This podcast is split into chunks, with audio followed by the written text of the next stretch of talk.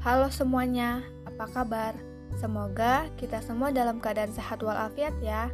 Kenalin, namaku Koidah Nur Halifah, mahasiswa baru di Institut Teknologi Sumatera, atau yang lebih dikenal dengan sebutan ITERA.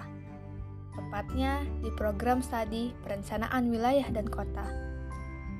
Sesuai judulnya, podcast pertamaku ini membahas tentang rencana yang akan aku lakukan di masa yang akan datang.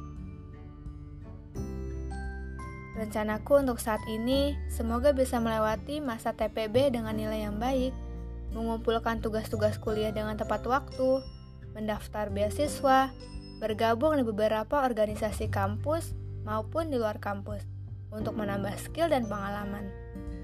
Dan juga ikut program magang supaya bisa menambah relasi dan mendapatkan gambaran dunia kerja nantinya. Dan ya, seperti impian banyak orang, Aku pun ingin lulus sarjana tepat waktu dengan IPK yang memuaskan. Bekerja di perusahaan maupun di instansi pemerintah.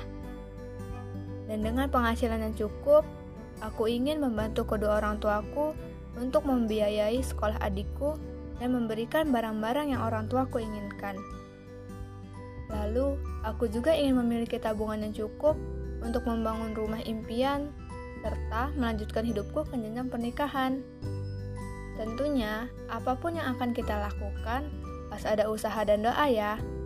Dan perlu diingat di sini teman-teman, aku hanya menyampaikan rencanaku, bukan apa yang telah Tuhan takdirkan untukku.